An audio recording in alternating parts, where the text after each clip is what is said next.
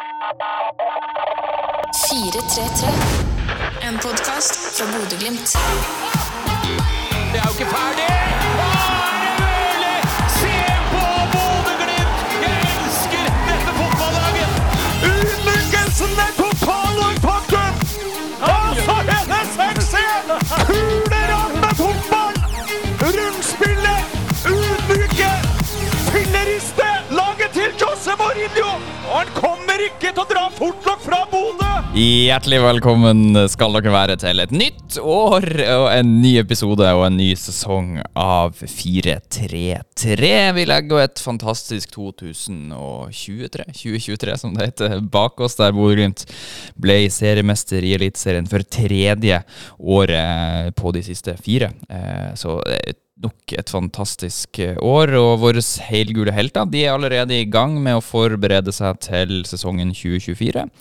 Og det er for så vidt jeg også, for det blir selvfølgelig podkast også i år. Eh, allerede neste uke så reiser både jeg og laget til Marbella for å starte forberedelsene til kampen mot Ajax i februar. Og eh, jeg tar jo med meg som alltid podkastutstyret og mikrofonene mine til Spania, sånn at jeg kan spille inn episoder i lag med spillerne og de som er rundt laget, i ro og mak der eh, nede.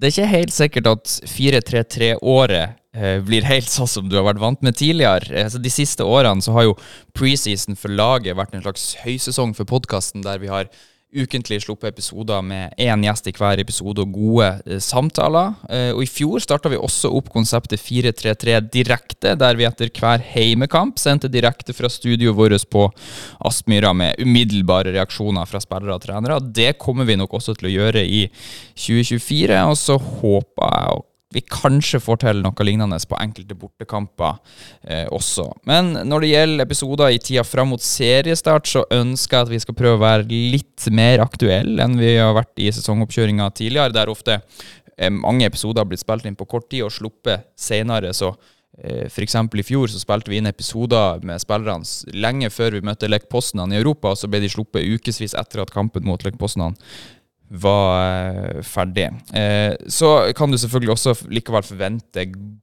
episoder med gode intervjuer og samtaler med sentrale Glimt-skikkelser. Selv om vi ikke kan garantere at her og nå at vi kommer til å levere én episode i uka, da det er mye som skal på plass for oss. Blant annet så skal det nye folk inn i avdelinga vår her på Aspmyra den kommende måneden. Men eh, vi kommer med jevne og helt sikkert ujevne mellomrom til å publisere episoder som dukker opp i podkastspilleren din.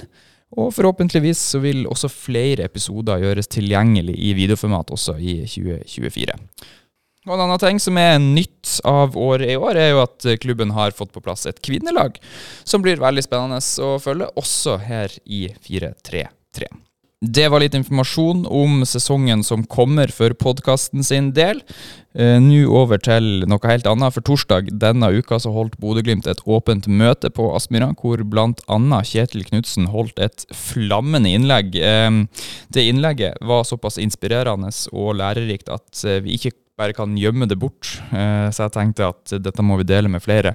Det er sikkert mange som allerede har eh, hørt det, men eh, det skal da neppe å høre det igjen. Så jeg tror vi rett og slett sparka i gang årets sesong av 433 med en skikkelig forrykende tale fra Glimts suksesstrener. God dag, alle sammen. Godt år. Jeg har laget en liten lapp her, men jeg ser ikke hva som står på den, så vi får ta det litt Men jeg, jeg syns det er litt naturlig at vi eh, oppsummere litt. Eh, for hvis vi skal prate om 2024, så syns jeg det er umulig å ikke ta med 2023. Eh, og litt sånn, eh, For min del så syns jeg det er ekstremt mye bra i 2023. Eh, vi vinner serien, vi er videre i Europa, vi er i en cupfinale. Eh, og det må jeg òg få si. Eh, kanskje vi ikke leverer like godt på banen, men den opplevelsen og det samholdet og den atmosfæren eh, som vi har i Oslo, eh, som vi har hatt her på stadion og på bortebane, det er helt vanvittig. Og den, den følelsen av å være en del av Glimt-familien, eh, det, det, er kanskje det største som jeg syns jeg har vært med på på den reisen som vi har vært i Glimt. Men samtidig så syns jeg at helt ærlig så er en av de 2023 er sånn for min del, og jeg liker egentlig å være ærlig, at det er, det er ikke det året jeg sjøl er mest fornøyd med. Og det er litt sånn, For meg er det Vi har oppnådd veldig mye bra, men jeg mener det at vi har ikke vært rå nok til å få ut eh, potensialet til enkeltspilleren til lag, til laget vårt. Jeg syns det er noen lag i, i Norge som har utviklet seg mer enn oss. Og så skal det sies at det er et komplekst bilde, fordi at vi spiller flere kamper enn alle de andre. Vi har, spiller, i, år, I 2023 spilte vi 54 kamper. Eh, motstanderen er ekstremt motivert av oss og eh, ønsker å, eh, å, bli bedre enn Glimt. Så, så, det ligger utrolig mye krav til oss i forhold til det. Men for meg er det sånn, og det, jeg, jeg har fortalt det før, men når jeg eh, spør spillerne i forhold til, og når jeg oppsummerer hvor mye har vi fått ut av eh, potensialet til hver enkelt spiller. Og vi, Jeg har sagt eh, over lang tid at Glimt skal være et, et lag det skal være 100% i alt vi gjør. Men når spillerne svarer at ja, vi har fått eh, ut potensialet fra 20 til 80 så, så forteller det meg noe at det er ikke jeg fornøyd med. Og når jeg samtidig spør spillerne om ja, hvor mye har vi fått ut av potensialet til laget, så ligger vi på sted mellom 75 og 80 Og når jeg er, er ærlig med meg sjøl i forhold til hvor stort, eh, stor del av mitt eget potensial har jeg fått ut, så føler jeg at jeg er for langt unna 100% og det er litt sånn, Jeg tror det er ekstremt viktig at vi tør å evaluere oss kritisk. Eh, og vi ønsker, og det er litt i forhold til hva vi ønsker, og hva som skal være Glimt, og hva som skal være DNA-et til Glimt. Og, eh, men, men, for meg er det en ekstrem motivasjon. Eh, fordi at det forteller meg at vi har veldig mye mer å ta ut. Og så igjen tilbake til det DNA-et. Jeg syns ikke eh, vi er har det DNA-et som vi hadde på det beste. Og skal vi få ut det potensialet, så må vi jobbe mye tøffere med gruppen, med kulturen i gruppen, måten vi er ute på feltet, for å levere treninger på det høyeste, høyeste nivået. Det skal ikke være diskusjon om hvem som er best i Norge. Og skal vi være på et internasjonalt nivå, da er det der listen ligger. Og, og, og på en måte for meg er det Eh, og det går på veldig mye av eh, Glimt har utviklet seg, og vi skal utvikle oss. Vi skal være innovative. Men kraften i vårt spill, vårt, eh, vårt presspill, vårt gjenvinningsspill, evnen vår til å involvere keeper i vårt eh, frispillingsspill, eh, det å skape mye ubalanse bakfra, ta med seg ubalansen offensivt skape enda mer sjanser og, og skape enda mer mål. Det, det, det, er liksom, det, er noe der som vi, vi, er litt på vei nedover. Og liksom, eh, og liksom det har jeg brukt de tre ukene til å Wow! Nå, nå må vi, eh, og nå skal vi på en måte eh, dra inn i 24. Og litt sånn eh, Vi har eh, noen grunnverdier vi jobber etter. Puls. Og puls er prestasjon, utvikling, lojalitet og samhold. Men i puls så ligger det noe i ordet. Det skal være hjertet. Det skal være hjertet utenpå på drakten. Du skal no, altså for å si det sånn, du kan ikke jobbe med 90 i puls når du spiller fotball. Du skal være helt oppe og være et intensitetslag. Og de tingene skal vi dra med oss inn, og da er det hva kan vi gjøre hver eneste dag for å løfte dette her? For det er i dag vi kan gjøre noe med. Dagen i går kan vi evaluere og, og gå inn og se hva, hvor mye bedre kan vi bli inn mot dagen i morgen. Og det andre i, de, i, denne reisen så merker jeg sjøl at begynner jeg å bli litt resultatfokusert. Begynner jeg å bli litt kortsiktig og tenke eh, den kampen her er så viktig. Og liksom Denne frigjørende prosessen vi har hatt med å tenke på, på prestasjon og utvikling, den skal vi tilbake til. Det skal være oss. Og da skal vi være litt uredde, litt frie. Når vi forsvarer oss, så skal vi være offensive. Altså tankegodset nå. Eh, for det at de folkene som skal komme på, på, på Aspmyra og Glimt, de skal, de skal, Yes! Nå er Glimt det Glimt skal være. Eh, og det skal være underholdning om vi forsvarer oss eller om vi, om vi angriper. Og, og, på en måte å så det inn i spillergruppen og starte på tirsdag som vi gjorde. Eh, og det, jeg ser det allerede at ja, vi, vi, er i hvert fall på vei til å få spillerne litt mer på dette. her. Vi har fornyet litt i, i, i trenerteamet. Gaute Helstrup har kommet inn. Fantastisk. Eh, det er ingen her som har tenkt å gi seg fordi at vi får inn nye impulser. Eh, det trenerteamet vi har vært, vi har jobbet ekstremt mange år sammen. Og det at vi av og til får inn noe nytt, nye impulser som ser oss litt utenifra, kan komme inn med litt, et nytt blikk eh, og være med å utvikle litt nye ting i Glimt.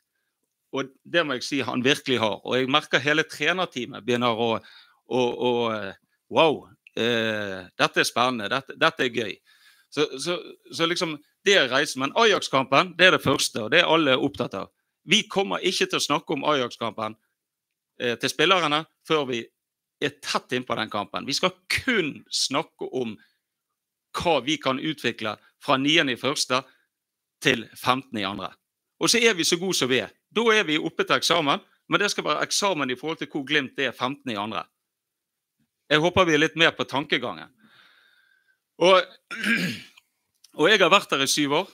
Eh, jeg for min del begynner på mitt åttende år, og det kjenner jeg. altså Bare litt sånn den der å hente den der kraften litt nedenifra. Eh, eh, evaluere seg beinhardt. For det at det eneste grunnen for jeg er her, det er eh, jeg trives veldig med de folkene og alle folkene som rundt klubben. Og, og, hva er det beste for Glimt? Det har alltid vært mitt mantra. Hva er det beste for Glimt? Og det er når folk spør meg ja, men hvor lenge har du tenkt å være der? Jo, jeg skal i hvert fall være her så lenge jeg mener det er det beste for Glimt. Og den dagen jeg føler at det er noe andre som skal være her fordi at det er det beste for Glimt, så skal jeg love dere at jeg skal pakke kofferten. Sånn skal det være, for det, det, det, det er vår jobb. Det er derfor vi er ansatt. Vi skal være her av den grunn. Eh, så liksom, for meg, Jeg kommer ikke til å snakke mye om ambisjoner og alt dette vi skal gjøre i 2024. Men vi skal utvikle dette laget. Vi skal være uredde, eller vi skal være modige. Og vi skal, eh, vi, vi skal sørge for at eh, vi går tilbake til DNA-et vårt. Det skal være Glimt.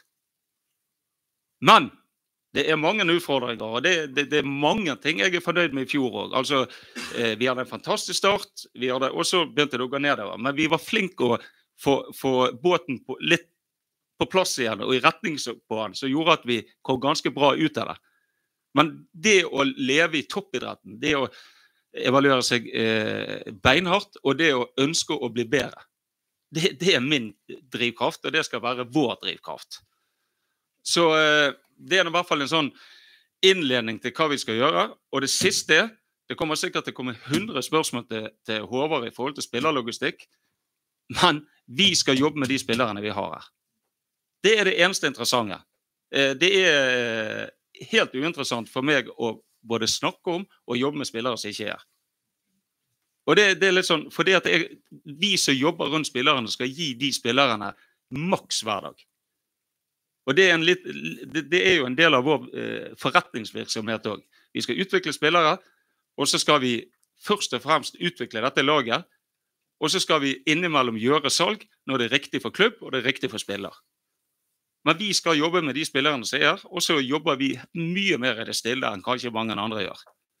Så liksom eh, Og så har vi og Håvard og Frode og de rundt klubben har gjort en kjempejobb i forhold til eh, å ha spillerne Kontroll på spillerne, ha de på kontrakter.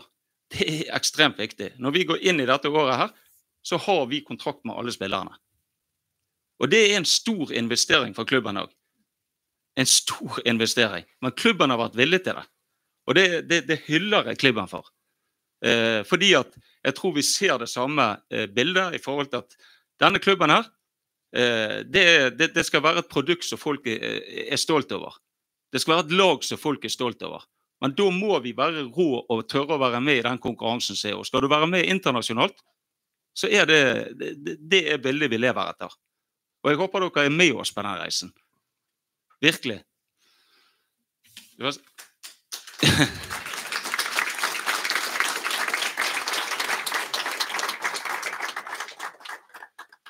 Ja, det var sikkert mer enn nok. Men uh, uh, Håvard? Det var jo hoppet til Virkebladet her, da. Men, uh, og du var jo inne på mye ut av det når det kommer til spillelogistikk. Så altså, status er jo For første gang så tar vi med oss hele troppen fra i fjor, minus Ask og Morten Kohn. så det er jo en ny situasjon der vi tidligere har vært sånn at vi kanskje har mista tre-fire tre spillere fra, fra elveren vår eh, hvert år. Så på et eller annet vis i år så har vi en, et, et, veldig godt sånn utgangspunkt for, eh, for 2024, det som kommer foran oss. Så, så hvis det kommer spillere, eller drar spillere, så det, har man liksom mer kontroll over det. Så uh, gir jeg meg med det, for det var, var høyt nivå, Kjetil.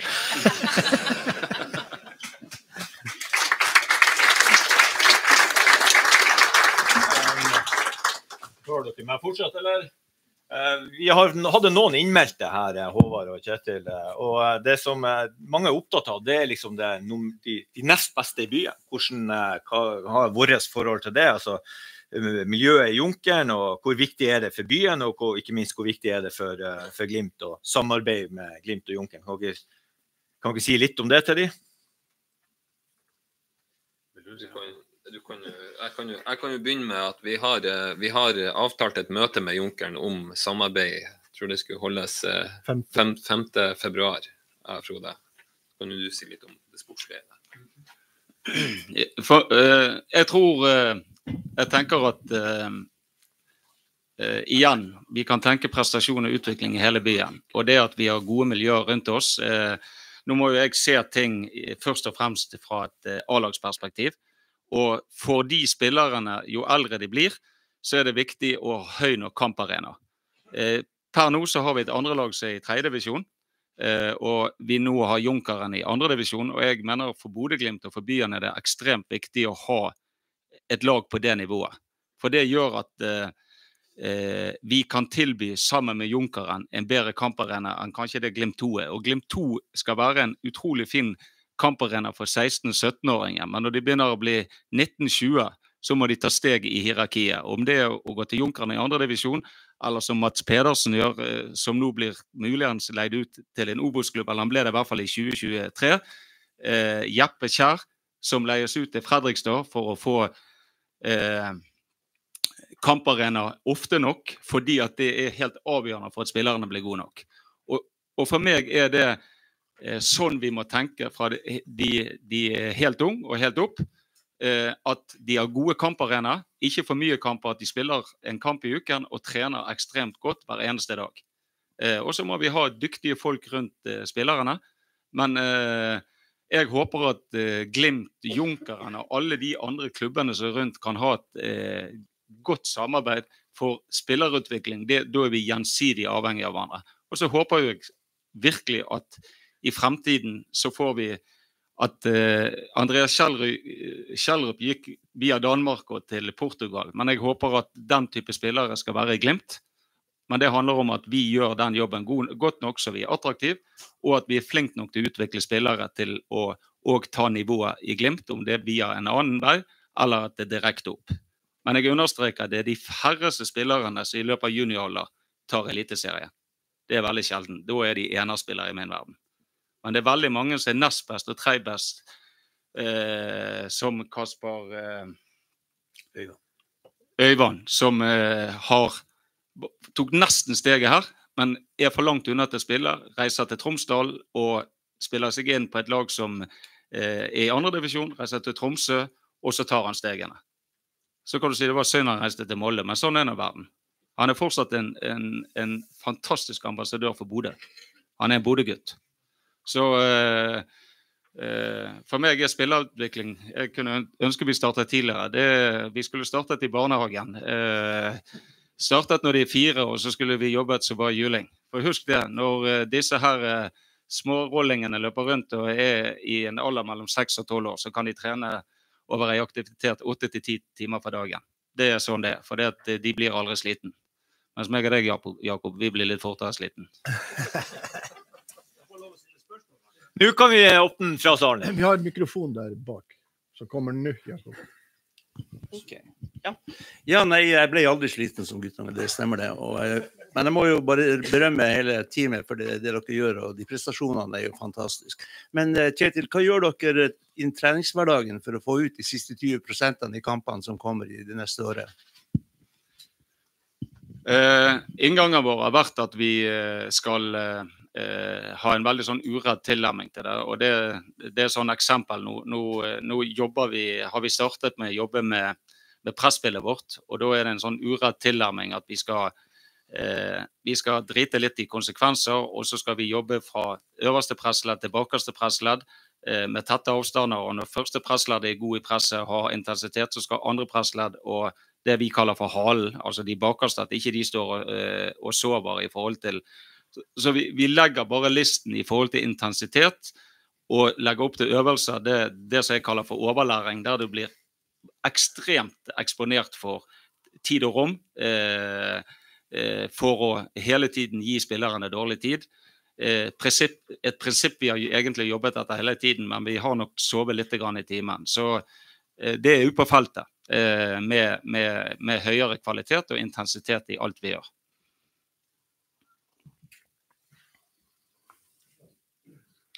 Vi tar heller et møte på, eh, på kafeen, Capo, hvis det Kan vi ta et konkret en situasjon? da? Hva, hva ønsker du å få ut av han Gaute?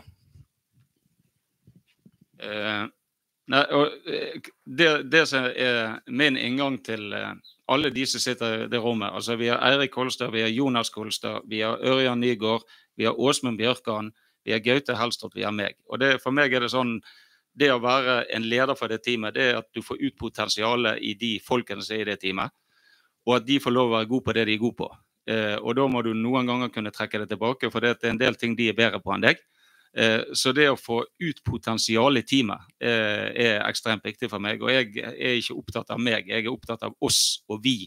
Og da må du gi folk mulighet til å blomstre, akkurat som du skal gjøre med spillerne ute på banen. Så det, det er jo litt de samme eh, mekanismene du jobber etter. Eh, så eh, eh, det, er, det er ikke mer komplisert egentlig enn det. Men det betyr at eh, Så vi snakker om veldig mye, og folk er veldig opptatt av enkeltpersoner. Men det er, det er summen av oss som avgjør hvor gode vi blir. Og det er Husk, fotball er en lagidrett. og det hjelper ikke at vi er PSG og elleve gode enkeltspillere. Det det er summen av eh, kollektivet som avgjør hvor god du blir. Og det gjelder òg i trenerteam.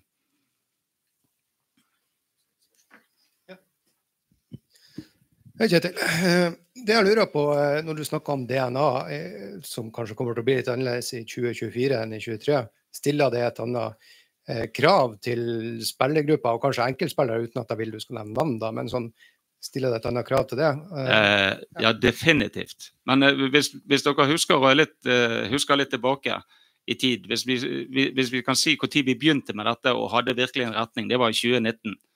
Eh, 2019 så, og det- det betyr for meg at eh, det er ikke stoppere som skal tenke så veldig mye på det som er bak seg. For hvis du er god i presset, så skal midtstopperne i, i vårt type spill og vårt presspill være så rå at de kan gå opp og støte på en indreløper som ligger ganske høyt oppe i banen. Men da skal de tre andre i vår eh, backfire de skal være inne og sikre det, det rommet som er bak den spilleren. Men hvis alle spillerne tenker å ta ansvar for rommet foran seg når det er naturlig i forhold til hvor ballen er på banen, så tror jeg kravene til enkeltspilleren blir enormt stor. Og så er det sånn òg at Ta eksempelet i sekserrollen eh, som Patrick Berg har hatt. altså Det betyr at han må eh, mindre eh, beskytte stopperne og mer jobbe frem for å hjelpe eh, eh, de første presspillerne. Det, det er to eksempler på, på, på det i det defensive spillet. Det samme kan du ta inn, det er kravene til keeper i frispillingen. Hvis du da tar det Gaute Helstrup har fått til i, i Tromsø med, med involvering av keeperen eh, Haugård i de, hos de, altså det at vi nå implementerer keeperen både i frispillingen, det at han står høyt og noen ganger er en midtstopper i, i, i vårt spill når, når motstanderen ligger, ligger lavt. Den type ting. Hele, fordi at vi ønsker å flytte folk høyere i banen. Sånn Det, eh, for fotball utvikler seg hele tiden. Altså, hvis vi går ti år tilbake, så skulle jo altså Jeg husker når vi begynte når vi vippet ball opp til keeper på femmeter. Eh, den tiden er forbi, liksom. Så det, det er liksom eh, Og, og det, det igjen, vi må være så ekstremt innovative i forhold til å utvikle vårt spill fortere enn motstanderne eh, utvikler sitt motspill. Og så er det hele tiden, så Av og til så stopper toget litt, fordi at motspillet er ganske godt. Og så må vi finne type nye virkemidler mot det-. Og husk, og tilbake til 2019. Vi hadde Toget gikk opp i full damp, og så fant alle lagene ut at de skulle legge seg lavt mot oss. Og så brukte vi litt tid på å knekke de kodene. Og sånn, sånn går det i kontinuerlig, egentlig.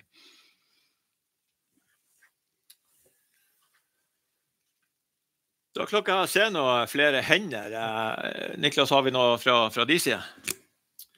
Eh, Det er ett spørsmål fra Gjøran til Kjetil som lurer på om du håper å få Håkon- Evjen tilbake, og når snakka du med han sist? Ja. Godt nyttår til deg og Gjøran. Nei, jeg, eh, jeg er jo veldig lik eh, Men nå, nå må jeg få understreke at Håkon Evjen har jo vært i byen på ferie. Så jeg var så heldig òg å få snakke med Håkon Evjen. Eh, Men eh, utover det så vet alle at eh, Og jeg har nå hatt en ganske lang innledning om det som går på spillerlogistikk. Så vidt jeg vet, så er Håkon Evjen i Brønnby, Og da bruker vi, i hvert fall jeg, null tid på han.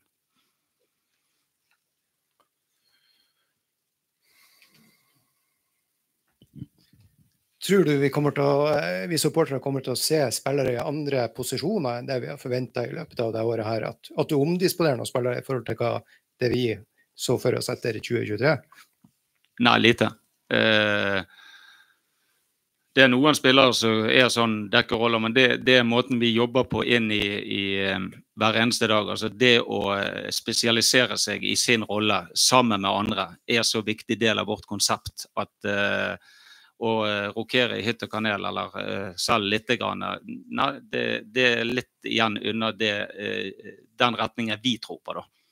Så Kasper kommer fortsatt til å være spiss, ikke midtstopper, for, å ta, ta det som et eksempel.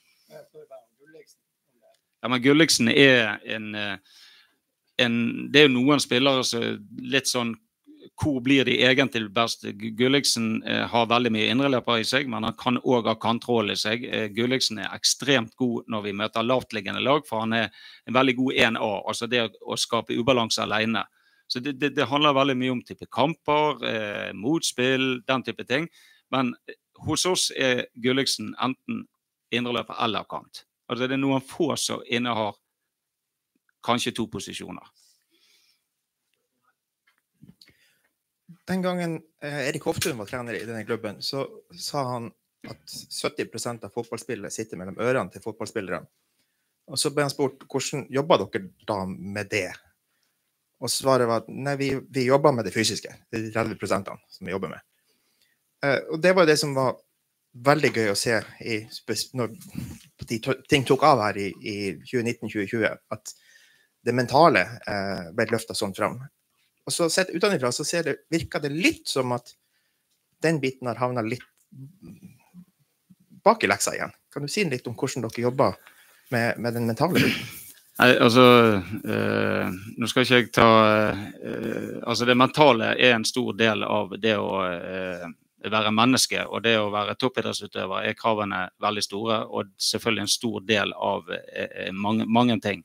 Og det å jobbe med med mental, mentale, det er å jobbe på ekstremt mange plan. Men, men det å først ha et, eh, et godt utviklingsmiljø, et godt læringsmiljø, altså det at du bare kommer inn i garderoben og føler deg trygg, eh, det er ekstremt viktig. Måten du kommuniserer til gruppen, måten du kommuniserer til deler av gruppen, måten du kommuniserer til enkeltspillere, eh, tryggheten du skaper, at de stoler på deg, er òg å jobbe med det tallet og snakke om å tørre å snakke om følelser og tanker er en del av det mentale. Så har vi òg folk som har enda mer kompetanse på, eh, på en del prosesser, som Bjørn, Bjørn Mannsverk, som vi har vært inne, eh, er, er inne og skal være med når han kommer på, på fredag eh, opp her. Eh, meditasjon har vi brukt som et virkemiddel.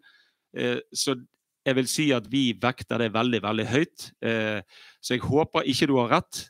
Eh, men eh, eh, For det er litt sånn Både vi som er rundt laget, Håvard som har vært òg tett på Bjørn. Bjørn er en viktig del av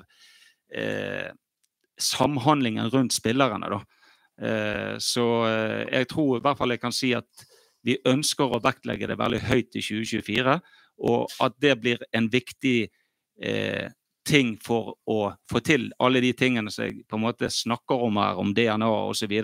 Det er definitivt. Bra, da skal vi eh, begynne å runde. Har du noe, Niklas, på tampen? Nei. Da sier vi eh, tusen takk til Kjetil og Håvard. Fortsatt inspirerende å høre på, Kjetil. Nei, ikke sånn.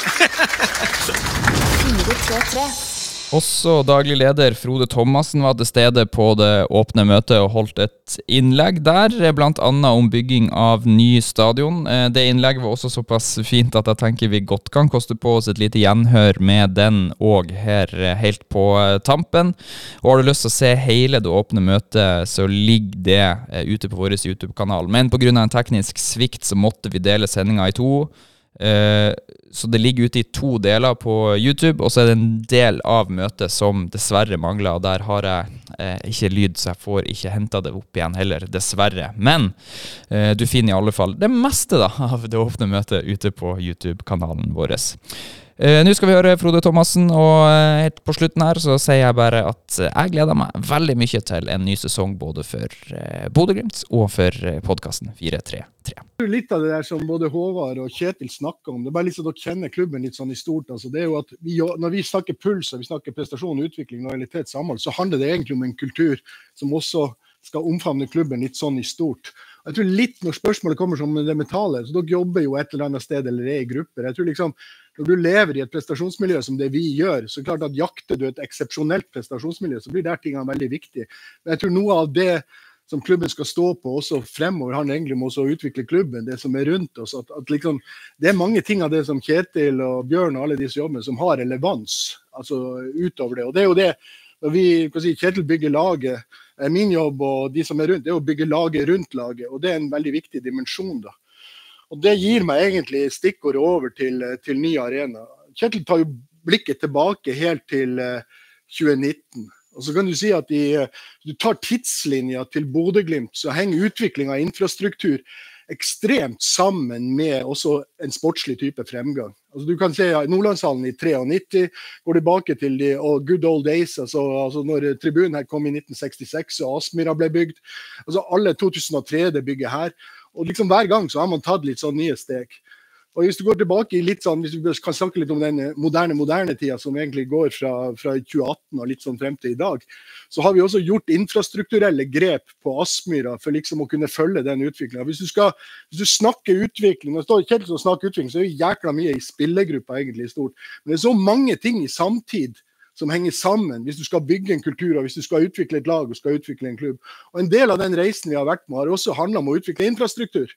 I 2018 gjorde vi, da hadde vi, for de som var det oppe den gang, så var det en litt sånn trang institusjonsgang her. Så sto det en litt sånn tung skranke her, og så var det litt ei sånn sliten kantine der. Og Noe av det der med å bygge om og sette eliteseriestandard på infrastrukturen, det var også en viktig del. Når du kommer inn i Bodø-Glimt, så skal du kjenne på en type stolthet i forhold til hva det er, og så skal du ta vare på det som, som ligger rundt det. Det var en viktig del av den starten på den reisen. Og nå har vi, gjennom de fem årene som har vært, så har vi utnytta hver eneste flik i det som er Aspmyra i dag. Altså, om, en, for de som kjenner Aspmyra veldig godt, så finner du faktisk ikke omtrent en kvadratmeter her inne som er, som er tatt i bruk på en eller annen måte. Og vi har bygd ut, Av og til så lurer du på hvordan ting skjer. Der, vi har kunnet utvikle det som var bowlingen før. Det var helt avgjørende for å kunne være med i Europaligaen og spille her i Bodø.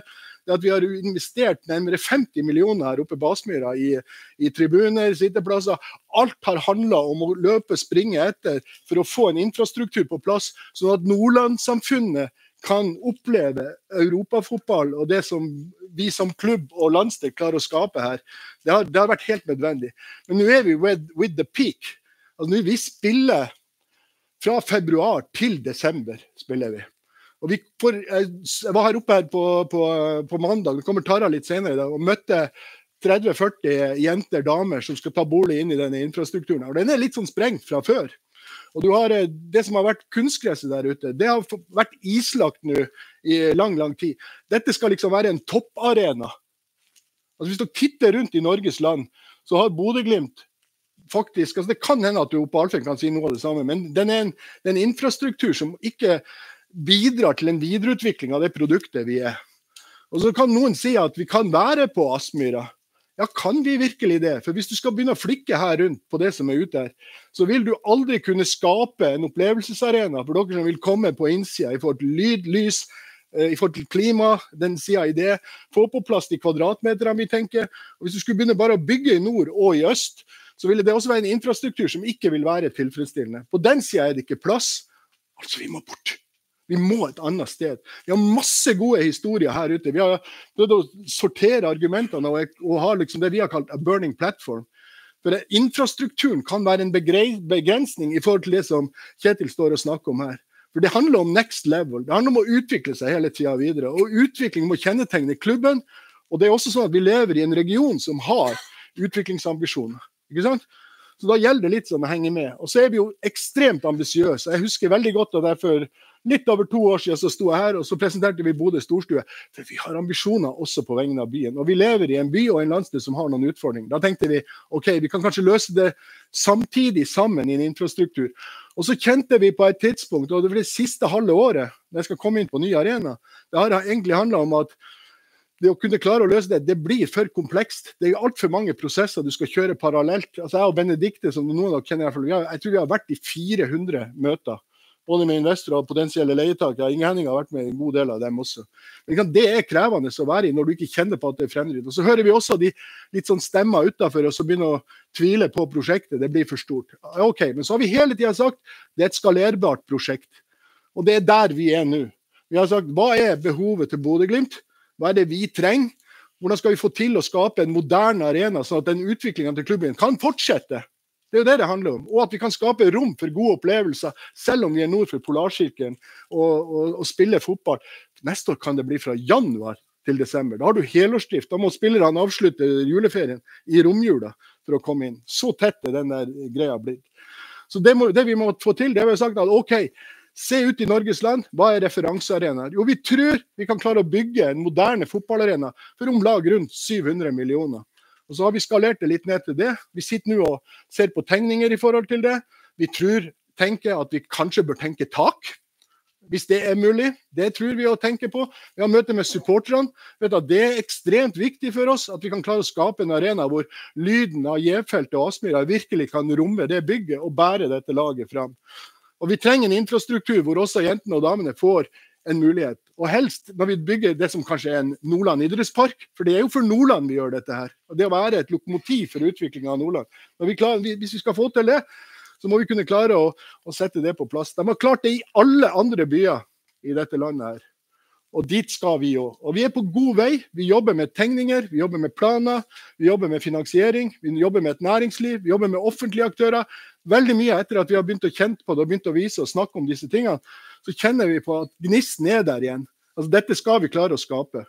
Så vi er sånn ekstremt inn i det nye året. Så stå og høre på Kjetil, nydelig. Altså det, det, det, jeg har stått og sett på noen treninger etter de kom tilbake. Det, det, er så mye energi at dere skjønner det ikke engang. For de vil videre, de vil ta nye steg. Men da skal ikke vi være begrensninger i forhold til områder som er sinnssykt viktig for å få det på plass. Så den infrastrukturen og den arenaen, Men vi trenger hjelp.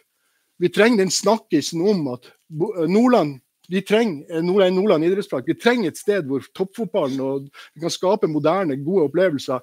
Med både når vi spiller nasjonalt, og når vi er så dyktige at vi presterer så godt at vi er ute internasjonalt i Europa. Det hadde jeg bare, jeg bare lyst til å si til dere. Snakk varmt om det. Vi trenger kraft. Vi trenger alle de gode stemmene i forhold til å få det til. Og vi vil komme til å trenge hjelp. For noen snakker om oss som, som sånn, at vi er sånn sinnssykt rike. Jeg tror vi har, vi, har, altså det, vi, har, vi har et styre som har vært med en stund nå. Vi har en kontrollkomité som er med. Eh, det å drive fotball på det nivået vi gjør nå, det handler egentlig om å forvalte de verdiene som skapes trygt og godt. Det er hele øvelsen. Og så ser vi noen eksempler relativt nært oss. Vi treffer det nesten annenhver gang vi er ute i Europa. Så forvaltning av det som er spillerstallen vår, det som er infrastruktur, vi må ta vare på det. Men vi har ikke mer ressurser enn at vi faktisk kan stå og være på dette nivået. For likviditetssvingningen av og til er så stor. Så det å ha 100-150 millioner på bok ja, Noe er penger som kommer inn litt seinere, noe er liksom investert et annet sted. Det er ikke sånn at vi sitter på en sånn pengesekk. Når vi skal investere til 700 millioner, ja, så trenger vi hjelp. Vi skal være, kanskje være med litt til, men det blir en årsmøtesak. Men det betinger hva slags kapital vi har til disposisjon. Men det handler ekstremt mye, og jeg kjenner veldig på at de møtene vi har med det offentlige nå, har i hvert fall har en positiv dreining. Tror på det, at vi skal få til noe der. Og vi har også gode samtaler med et næringsliv i Nordland. Jeg tror også det er viktig for oss i Bodø. Vi heter Bodø-Glimt, og det betyr ganske mye. Men vi er jo et lag for hele Nord-Norge. Så det å kunne lage en Nordland idrettspark hvor, hvor fotballen har en dimensjon For når Ørjan og akademiet vårt reiser, Vi har 15-16 samarbeidsklubber rundt omkring her, hvor vi bruker kompetansen vår til trenerutvikling, spillerutvikling. Så kan Tarald si litt mer om det etterpå. Men det er viktig at vi får den motoren på plass. Så arenaen, når vi snakker om den, løft it. Because we need it. Og det er det som skal være med å sette. Vi trenger noen sånne stolper rundt oss som sier at her er vi på plass. Og jeg tror han mannen som står her, han kommer til å Jeg hadde så jækla lyst til at Kjell skulle være her. Fordi vi har to sånne store Vi jobber med å utvikle produktet vårt, skape gode miljøer og læringsmiljø også for barn og ungdom. og og akademiet, og nå kommer jentesida også inn. Og Det er sport, det er liksom kjernevirksomheten vår. Det er jo fotballaktivitet i alle dimensjoner. Alt fra da, gatelag til det vi gjør av topprodukt. Men vi har også den der eh, dimensjonen som handler om at klubben må være noe mer ikke sant, enn en bare det. Så det, det, I det landskapet der vi, vi, må få de tingene på plass når det står solid. Og det, det, håper jeg vi kan få til sammen. Så I forlengelsen av det så skal jeg bare si litt om Max Now. Eh, og du kan si at Det var også noe som vi, liksom følger oss litt i den mer moderne eh, historien. Men hvis dere titter rundt oss i eh, altså Sponsormarkedet er, er, annerledes etter hvert. Det har utviklet seg også. Altså vi, vi bruker, dere, Barcelona har dette sloganet 'more than a football club'. Vi tenker også sånn. Altså, hvordan kan vi bruke oppmerksomheten til klubben på en sånn måte at vi også kan være med å drive samfunnsutviklinga i en mer positiv retning? Sånn at Action Now-programmet vårt det er jo egentlig alt, alt det samarbeidet, alt det vi har, måten vi kommuniserer, måten vi setter opp avtaler med partnere, er bygd rundt det. Akkurat som at vi må jobbe med vår egen troverdighet i forhold til at vi sorterer avfall. Vi, har, vi er forresten en klubben i Norge som, som sorterer avfall best. Sånn at du hele tida jobber med de tingene som liksom gjør at klubben eh, gjør godt for det samfunnet rundt. Det er det Action Now handler om. Bruke oppmerksomheten på en sånn måte. Og vi har latt det budskapet Det finnes Action Now-initiativer i Lillestrøm, Sarpsborg, Vipers. Uh, Ålesund har holdt på. Altså, det er mange klubber som har vært der. I Tromsdalen jobber de på litt på samme måten, men med det samme type tankegodset. For når du kommer til et næringsliv i dag, så er det ikke bare å Logoeksponering er på mange måter viktig for mange. Og det er det, det er det. Men det handler egentlig om hva vi får til sammen. Så Action Now når vi går inn i 2024, det er arenaen. Og så skal vi styrke den plattformen, at vi tar ordentlig ordentlig eierskap og gjør Action Now enda mer kjent. Det er en viktig del. at folk, Når de ser Action Now og de ser Bodø-Glimt, så vet de hva klubben er og hvordan den står. For det vi driver med handler om hjertene, og at vi er relevant en partner som kommer til oss, han må kjenne at han får verdi av det. At vi kan klare å skape forretning. Og at vi er, og veldig mange av næringslivsaktørene i dag de ønsker å være samfunnsutviklere, samfunnsbyggere. De sitter ikke bare i sin nisje og skal tjene penger, men de ønsker å være med på et større tog. Et kjempemøte med Nord universitet her om dagen også. Begynne å snakke med de de der stemmene der. Så Det er liksom markedsarbeid og action. Men de to pilarene altså Bodø-Glimt er mer enn bare fotball, men fotballen er selve kjernen i det vi holder på med. Så Hvordan kan klubben da være med og, og vi, vi, driver med fotballklubb. Men det å kunne være, være en møteplass hvor det, ting skjer, hvor ting skapes, eller vi kan få brukt oppmerksomheten til å få ting til å fly, det er Action Now. Og 2024 vil handle om det. Vi må få, i hvert fall få begynt å komme dit hvor vi kjenner på at nå blir det arena. Og så skal vi styrke også klubbens posisjon i forhold til hva vi kan være for samfunns- og næringslivet rundt oss. Det var liksom bunnlinja i det jeg hadde lyst til å si rundt de to punktene.